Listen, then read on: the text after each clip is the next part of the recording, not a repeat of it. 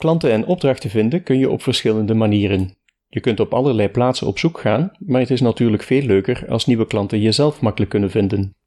Maar hoe speel je dat dan klaar? Of met andere woorden, hoe zorg je ervoor dat de zoektocht van een potentiële klant bij jou eindigt en niet bij jouw collega? Daarvoor moet je weten hoe je door zoekmachines op het internet gevonden kunt worden. En dat probeer ik vandaag te achterhalen. Ik ben Steven Segaert en dit is de Vertaalpodcast. Welkom bij de Vertaalpodcast. Internetradio met tips en informatie voor ondernemende vertalers.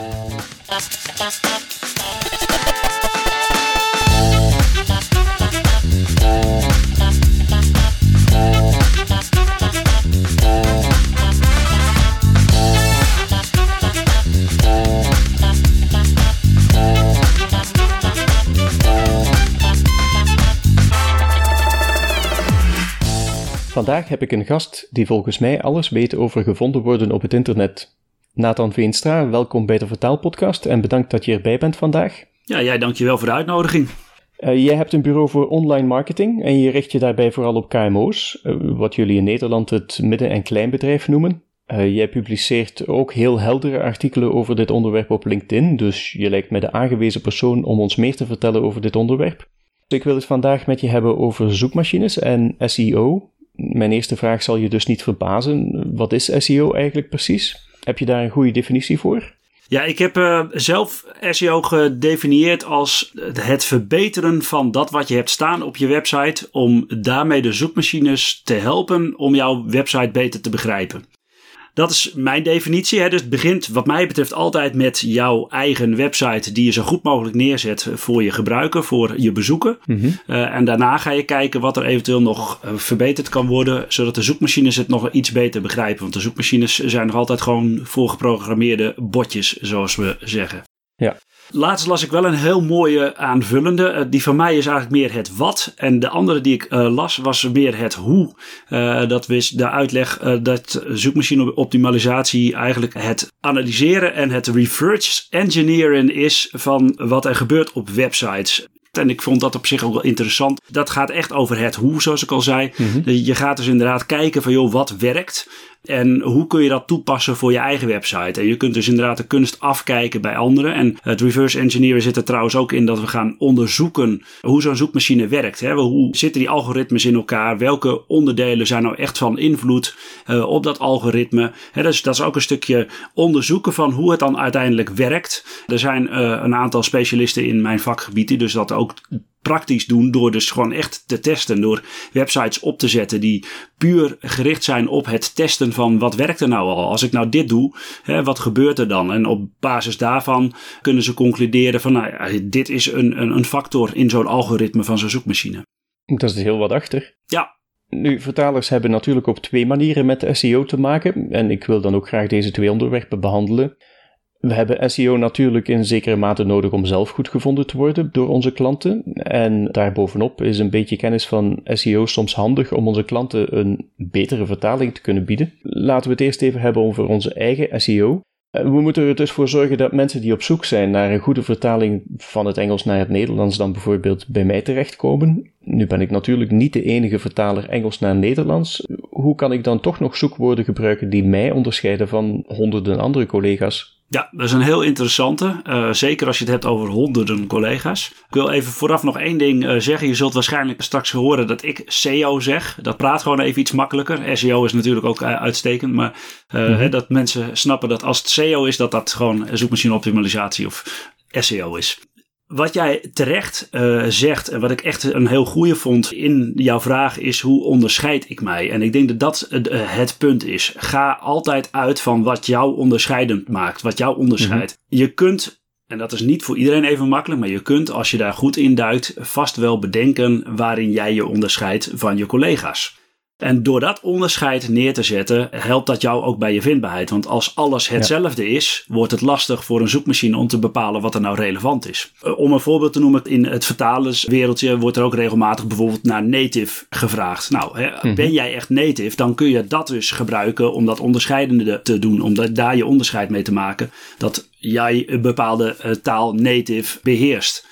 Daarnaast, uh, een van de dingen die ik overigens niet zou aanraden, maar het kan een ding zijn, is uh, dat je onderscheidt op prijs. Hè, als je de goedkoopste bent. Dat zou ik niet graag willen. Ik denk dat niemand dat uh, graag wil. De goedkoopste zijn betekent dat je eigenlijk altijd bezig bent om je uit de markt te gaan prijzen. En als je goed na gaat denken, in ieder geval, kun je echt wel wat verschillen terugvinden tussen jou en bepaalde collega's van je, mm-hmm. bepaalde vakgenoten. Hè. Een groot verschil kan overigens ook zijn dat je bijvoorbeeld echt op bepaalde gebieden specialist bent. Hè? Bijvoorbeeld uh, technische teksten. Er zit een groot verschil natuurlijk in technische teksten en meer verhalende teksten. Hè, als je op die verschillende punten gaat bekijken, dan kun je daarmee ook laten zien op je website wat jou onderscheidt, waar jij de specialist in bent.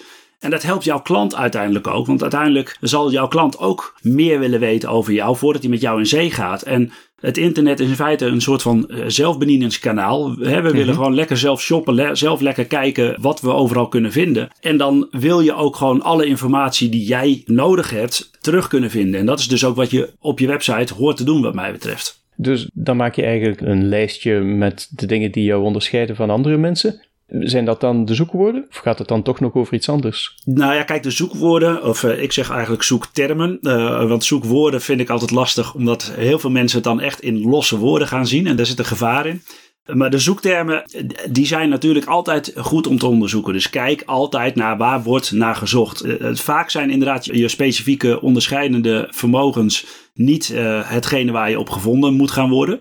Uh, zeker mm -hmm. losstaand uh, zegt het niet zoveel. Hè? Stel dat ik zeg snel leveren, hoge kwaliteit. Ja, weet je, dat kan ook gelden voor, ja. voor een product of voor een totaal andere dienstverlener. Uh, maar dat zijn wel de dingen die aanvullend daarop uh, op iets doen. Hè? Maar je hebt dat inderdaad, mensen zijn op zoek naar een vertaler Engels of vertaler Nederlands-Engels. En dat zijn wel de dingen die je inderdaad wel gaat onderzoeken. Je wil wel weten waar zoeken mensen op. En op het moment dat je die termen hebt, kun je daarmee gaan kijken hoe je daar dan met jouw onderscheid straks je vindbaarheid kunt verbeteren. Hoe zoek je dat dan in de praktijk uit? Welke zoekwoorden nu eigenlijk gezocht worden en welke niet? Ja, nou, er zijn verschillende tools voor. Er zijn zowel gratis als uh, betaalde tools. Uh, de betaalde tools zijn vaak behoorlijk aan de prijs. Mm -hmm. uh, maar de meeste mensen hè, die dat vooral voor, voor hun eigen website doen, die kunnen dat prima met een aantal gratis tools doen. Uh, allereerst is daar Uber Suggest. Dat is een gratis tool waarmee je dus echt heel veel zoektermen, uh, inclusief zoekvolumes, kunt ophalen. Daarbij wil ik wel één kanttekening plaatsen. De zoekvolumes komen uit de zoekwoordplanner van Google. Dat is ook een tool die je zou kunnen mm -hmm. gebruiken. Maar die kun je alleen gebruiken tegenwoordig als je ook daadwerkelijk Google Ads draait. Want daar is die tool voor bedoeld. En dan komen we daarbij ook gelijk op het punt waarom die tool een bepaalde zwakte heeft als het gaat om zoektermen voor je organische vindbaarheid, dus de SEO. Ja. Omdat dus die zoekvolumes daar dus inderdaad puur gericht zijn op, op Google Ads. Uh, je hebt nog uh, Keyword Finder, of KW Finder, KW Finder zouden we dan moeten zeggen, denk ik. Is gratis te gebruiken, maar dan heb je vrij beperkte data. Je kunt er een accountje aanmaken, dan krijg je een tikkie meer. En je kunt er een betaald account nemen. Ik heb een artikel geschreven over zoektermenonderzoek en daar staan ook al deze tools wel in hoor. Er staat dus ook bij welke tools je kunt gebruiken, al dan niet gratis. Oh ja, dan zet ik die even op de webpagina. Je had het net over organische SEO. Wat is dat dan? Nou ja, nee, SEO gaat eigenlijk over organisch. Je hebt in de mm-hmm. zoekresultaten van Google heb je eigenlijk grofweg twee grote verdelingen. Dat zijn de ads, de advertenties en de organische posities. He, dus de oorspronkelijke blauwe linkjes die er altijd in stonden, al vanaf het begin van de zoekmachine in uh, 1998. Dat, dat zijn de organische posities. Dat zijn he, dus de gewone posities. En dan heb je daarboven tegenwoordig een blok van drie of vier advertenties. En uh, dat zijn dus de betaalde posities. Ja. Dus het is goed om dat even te weten. Het voordeel van advertenties is dat, dat je op korte termijn kan je wat voor elkaar krijgen. Als jij heel snel gewoon zichtbaar, uh, CQ vindbaar wilt zijn, dan kun je gaan adverteren. Het nadeel daarvan mm -hmm. is wel, uh, het houdt op zodra je je budget op hebt. He, je betaalt om ergens te staan, dus zodra je niet meer betaalt, sta je er niet meer. En het voordeel van organisch is dat je dus daarmee, ja, op het moment dat je één keer een positie hebt gehaald, dan kan daar heus nog wel het nodige fluctueren. Uh, maar dan sta je daar wel over het algemeen gewoon voor langere tijd. Ik merk de laatste tijd dat het verschil tussen uh, betaalde zoekresultaten en gewone zoekresultaten wat minder duidelijk geworden is. Ja. Is dat alleen mijn indruk? Dat is wat iedereen uh, ziet. Daar is Google heel sneaky mee bezig geweest om inderdaad, eerst was het een grijs blok uh, waar de advertenties in stonden, dan werd het wat lichtgeel. Uiteindelijk uh, werd het gewoon net zo wit uh, qua achtergrond als de organische resultaten, maar met een blokje ervoor. Eerst was dat blokje nog met een fel oranje kleur waar uh, de afkorting van advertentie stond. Toen werd het een groen blokje. En toen werd het omgekeerd. Toen werd het een, een soort van ghost button. Hè? Zo'n, alleen zo'n groen kadertje met groene letters erin. En dus als, als je het goed bekijkt, is het inderdaad een manier geweest van Google om steeds subtieler de advertenties erin te zetten. Want dat is hun verdienmodel. Ja. En toch merk ik wel uit de reacties van de meeste mensen dat zij wel doorhebben uh, wat de advertenties zijn. En dat ze toch uh, liever klikken op de organische resultaten dan op de betaalde resultaten. Ja, ik vind het vooral vervelend omdat ik dan per ongeluk klik op geadverteerde resultaten die eigenlijk niet zijn waar ik naar op zoek ben. Dus. Ja, dat kan. En uiteindelijk is dat een slechte campagne, want dat betekent dus dat die advertentie, of in ieder geval de pagina waar je dan op terechtkomt, niet uh, is wat jij zocht. En daar zijn zij geld kwijt aan een klik die ze niks oplevert. Dus uh, eigenlijk is dat dan ook niet, uh, niet gunstig voor degene die die advertentiecampagne draait. Als ik zo'n lijstje met zoekwoorden heb, zet ik die dan gewoon op zoveel mogelijk plaatsen neer? Maak ik dan een paar, paar webpagina's aan met zoveel mogelijk van die woorden erin? Of, of blogberichten? Of hoe werkt dat eigenlijk? Laat ik eerst beginnen met een, een heel belangrijk onderdeel dat nog wel eens vergeten wordt en dat de laatste tijd gelukkig steeds meer gepromoot wordt. En dat is de user intent, oftewel de zoekintentie. Mm-hmm. Wat bedoelt iemand nou daadwerkelijk wanneer hij op een bepaalde zoekterm zoekt? En die is eigenlijk niet zo lastig te achterhalen, tenzij je een hele lijst hebt, want dan moet je heel veel werk doen. Maar eigenlijk is het vrij simpel. Op het moment dat jij een zoekterm in je hoofd hebt waar je wat mee zou willen, dan is het even zelf googelen, kijken wat Google als zoekresultaat geeft. En dan kun je ook een beetje zien wat de intentie is, hè, dus de behoefte eigenlijk van degene die zoekt. Ja. Om een voorbeeld te noemen, ik heb zelf jarenlang gedacht, ik wil scoren op SEO-teksten, want ik uh, bood dus teksten aan hè, voor websites. En dat is me gelukt. Ik kwam in de top 10. Ik ben niet verder dan positie 6 gekomen. En dat frustreerde me eerlijk gezegd uh, wel een beetje. Mm-hmm. Maar goed, top 10 is top 10. En er zijn er veel meer die daar ook in willen komen. Dus op zich is dat ook niet verkeerd. Totdat ik op een gegeven moment weer zakte, uit die top 10 verdween en dacht: ja, hallo, uh, wat moet ik nou weer doen om, om hoger te komen? Toen ben ik gaan kijken en toen zag ik dat die hele top 10, als je googelt in Nederland op SEO-teksten, die staat vol met uh, wat zijn SEO-teksten, hoe schrijf je SEO-teksten. Kortom, ja. dat is puur informatieve behoefte die daaruit voortkomt. Dus het zijn dus kennelijk heeft Google ontdekt dat mensen die googelen op SEO-teksten daar dus gewoon meer over willen weten en helemaal niet op zoek zijn naar iemand die die teksten voor ze schrijft. Mm-hmm. Dus ik heb een pagina geschreven over hoe, hoe schrijf je nou SEO-teksten. Uh, ik heb mijn pagina, mijn commerciële pagina SEO-teksten verwijderd, want die had helemaal geen zin meer. En ik ben gaan focussen op SEO-tekstschrijver. En ik denk dat we allemaal, als we logisch nadenken, wel kunnen ja. bedenken dat inderdaad iemand die SEO-tekstschrijver invoert, die is op zoek naar een SEO-tekstschrijver. Ja, dus net zoals wij beter niet translation gebruiken, maar eerder translator. Exact, ja, ja. absoluut. Dus zet ik die dan zomaar overal neer? Nou, dat is, dat is een heel goede. Uh, daar wilde ik inderdaad gelijk op verder gaan. Voorheen was het zo: uh, voor elke zoekwoordcombinatie, voor elke zoekterm maakte je een eigen pagina. Hè? Dus als er uh, translator English Dutch was, dan kwam er ook nog translation English Dutch bijvoorbeeld. Hè, dan ja. maakte je voor die twee varianten een aparte pagina. Tegenwoordig hoeft dat gelukkig niet. Google is een stuk slimmer geworden, semantisch zoals dat zo mooi heet. Die kan veel meer relaties leggen, dingen echt begrijpen. Die weet dat je voor een translation een translator nodig hebt. Dus die zal die twee wel redelijk combineren. Een mooi ja. voorbeeld is als je in, in Nederland uh, googelt op schoonmaakbedrijf. He, je weet dat Google die gebruikt woorden uh, om vetgedrukt weer te geven in de meta-omschrijving. Het blokje tekst dat in die zoekresultaten verschijnt. Om te benadrukken van hey, dit zoekresultaat gaat daarover. Mm-hmm. En je ziet dat uh, Google bij schoonmaakbedrijf ook alleen het woord schoonmaak of schoonmaakdiensten uh, vetgedrukt weergeeft in die meta-omschrijvingen. Dus je ja. ziet dat Google daarmee ook aangeeft, hey, we weten dat dit vergelijkbare woorden zijn, dat die, niet, het is niet exact hetzelfde woord, maar dit zijn vergelijkbare woorden en die sluiten aan bij wat jij zoekt. Dus Google is veel begrijpelijker geworden. En dus je kunt gewoon met één pagina kun je op heel veel verschillende varianten ook gaan, gaan scoren. Uh, dus je hoeft niet meer per se per pagina dat te doen. En als je dan hebt over, hè, want dat is natuurlijk eigenlijk ook wel wat je vroeg, dan zet je die woorden in de tekst. Ja, natuurlijk moet het duidelijk zijn dat die, die pagina over dat onderwerp gaat. Dat is het allerbelangrijkste. Mm-hmm. Wat vroeger veel gedaan werd door er maar zo vaak mogelijk bepaalde woorden in te zetten Ja. en daarmee te scoren, dat hoeft gelukkig niet meer. Eén kanttekening, in sommige gevallen werkt het nog wel. En dat is met name wanneer eh, de concurrentie in een bepaalde branche eh, vrij laag is. Mhm. Maar op het moment dat de concurrentie vrij hoog is, dan helpt dat zogenaamde keyword stuffing, het volproppen met je zoekterm, gelukkig een stuk minder. Want dan zijn er andere factoren die nog een rol spelen bij eh, je rankings. Betekent dat ook dat je niet een heleboel varianten van zoekwoorden meer in je tekst moet zetten? Nou ja, wat je dus doet is die varianten die dus passen, die dus op een natuurlijke manier wel Mhm. van toepassing zijn, die kun je gewoon ook op een natuurlijke manier in die tekst plaatsen.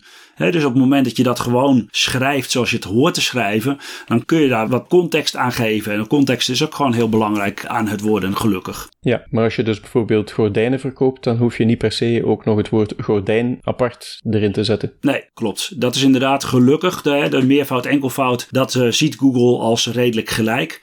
Je kunt dat ook wel zien, hè? Dat dit soort dingen, dat is trouwens heel leuk. Ook daar weer, eh, doe een beetje onderzoek zelf. En dat is vrij eenvoudig zelf te doen. Google zelf eens op die eh, zoektermen en leg die zoekresultaten naast elkaar. Je zegt net dat dit onderzoek nogal eenvoudig te doen is, maar eh, als ik jou zo bezig hoor, zijn er toch wel heel veel aspecten waar je toch wel wat kennis voor nodig hebt. Voor ik daar heel enthousiast zelf mee aan de slag ga, hoeveel investering heb je daarvoor nodig? Dat is een lastige, want het ligt een beetje aan hoe ver je zelf wil gaan qua kennis. Je kunt eh, een aantal gratis online trainingen doen. Google biedt zelf bijvoorbeeld ook via hun eh, digitale werkplaats kun je eh, gratis trainingen doen. Dat is redelijk basic. Eh, daarnaast zullen ze daarin wat minder op, op SEO focussen, omdat ze daar eerlijk gezegd zelf niet alle belang bij hebben. Ja. Maar daar kun je wel al een mooie basis leggen. Ik vind dat in ieder geval de informatie die erin zit, is voldoende om in ieder geval in basis online marketing gewoon goed te kunnen begrijpen. Mhm. Ja. Maar wil je echt inderdaad de diepgang vinden, ja, dan ga je eh, zelf trainingen eh, moeten doen. En dan ben je gewoon een investering kwijt. Mhm. Afhankelijk van, maar over het algemeen zit daar wel enkele honderden euro's in. Hè? Of je een online training pakt, die zijn over het algemeen net iets goedkoper. En er zijn natuurlijk ook live trainingen, die zijn meestal vanaf een, een, een 500 euro voor een training. Ja. Kun je je SEO dan ook door iemand anders laten doen? Of laat je daar eigenlijk een kans liggen om je marketing persoonlijk te maken?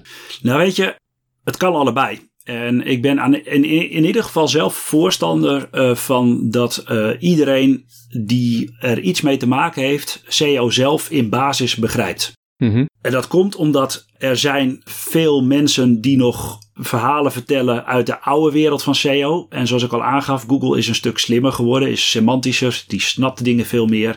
En daar werkt die oude SEO veel minder. Dus op het moment ja. dat je de gratis kennis haalt, is er een risico dat je oude kennis meekrijgt. Maar het is, wat ik gewoon wel heel belangrijk vind, is dat mensen zich realiseren dat er dus ook heel veel niet hele volledig juiste verhalen de wereld in geholpen worden. En daarom vind ik het juist heel belangrijk dat mensen wel de basis zelf snappen, zodat ze niet zomaar voor de gek gehouden worden. Ja. En natuurlijk kun je het laten uitvoeren door een ander. Uh, daar kun je ook op allerlei manieren invulling aan geven wat je zegt, die authenticiteit is belangrijk. Zeker als Mhm. je eenpitter bent. Hè, als je uh, eenmanszaak hebt. Jij bent je bedrijf. Dan is het helemaal niet verkeerd om dat zoveel mogelijk uit te stralen. Zoveel mogelijk uh, jouw eigen teksten te gebruiken. Aan de andere kant is het ook niet verkeerd om daar soms net een iets andere draai aan te geven. Wat je ziet is dat vaak ondernemers een beetje schromen om commercieel te zijn. Zeker de eenpitters onder ons. Uh, we hebben vaak een missie. Wij zijn meer vanuit een drive aan het ondernemen dan daadwerkelijk vanuit een commerciële intentie. We zijn soms bang om onszelf te verkopen. En eigenlijk is dat niet verkeerd. Uh, of uh, hoeft dat niet. Het commerciële mm-hmm. is niet negatief. Mensen komen niet voor niks op zoek naar jou op jouw website. Dus die mag je dan een handje helpen. Die mag je heus wel uh, aanzetten tot actie. Die mag je heus ja. wel even, even een zetje geven. Uh, van joh, weet je, neem even contact op. Uiteindelijk help je die persoon daar uiteindelijk ook mee. Want anders komt hij nooit bij jou terecht. Dus ik begrijp dat het meer is dan alleen gevonden worden, maar ja. ook en misschien vooral om de klanten aan te zetten om ook echt iets te doen met die informatie Klopt. die ze bij jou kunnen vinden. Ja. Klopt. We hebben het inderdaad nu over SEO, maar we komen op deze manier meer op wat we noemen conversieoptimalisatie of CRO, ja. Conversion Rate Optimization. Ik vind dat die twee eigenlijk hand in hand gaan. je, je hebt een website En als jij goed gevonden wordt met die website, maar je website is niet ingericht om van je bezoekers klanten te maken, dan heb je er alsnog niks aan. Andersom, je kunt een geweldige website hebben die helemaal ingericht is om van bezoekers klanten te maken. Maar als je er geen bezoekers op krijgt en dus je SEO niet op orde hebt en je bent niet vindbaar, uh, dan heb je er alsnog niks aan. Dus die twee die gaan absoluut wel heel erg uh, samen. Ja, ja, ja. Ik had het bij het begin al over. We kunnen SEO ook gebruiken om onze klanten beter te bedienen. Dat moet ik misschien even uitleggen. Ik vertaal zelf ook vaak commerciële teksten die mijn klanten aan hun eigen klanten laten zien. Dat gaat dan om vertalen en niet om copywriting, dus die creatieve ruimte is natuurlijk wel een stuk beperkter. Maar die teksten moeten natuurlijk ook wel goed scoren. En dan krijg ik wel eens een lijstje met zoekwoorden erbij met het vriendelijke verzoek om die in de vertaling op te nemen. Ofwel zijn die zoekwoorden al vertaald, ofwel moet ik dat eerst nog doen. Maar dan heb ik vaak het gevoel dat ik met wat opzoekwerk en culturele know-how mijn klant meer waarde kan bieden dan wat er in de opdracht gevraagd wordt. Ik schakel dan wel eens een specialist in om aan zoekwoordenvergelijking te doen, maar ik kan het zelf niet of niet goed. Dus daar wil ik graag wat meer over weten. Zoekwoordenvergelijking, hoe pak je dat nu eigenlijk aan? Ja, dit is wel een heel interessante, omdat natuurlijk wel een verschil zit in voor je eigen taal als, als tekstschrijver, copywriter bezig zijn of als vertaler. In mm vertalen zit ook natuurlijk nog een enorme nuance. Uh, ik kan me bijvoorbeeld voorstellen, uh, ik denk dat dit wel een duidelijk voorbeeld is. Als je het hebt over kleding, in Amerika hebben ze het over pants en uh, in Engeland hebben ze het over trousers als jouw klant zich daar niet van bewust is, dan heb je al een probleempje. Hè? Die, die, die nuanceverschillen bij in dit geval het Engels, het Amerikaans Engels en het Brits Engels zijn een heel mooi voorbeeld van waar het mis kan gaan. Maar die heb je in het Nederlands ook natuurlijk. Hè? Je hebt heel veel nuanceverschillen tussen Vlaanderen en, en Nederland. Klopt. Die verschillen zijn er soms wel, soms niet.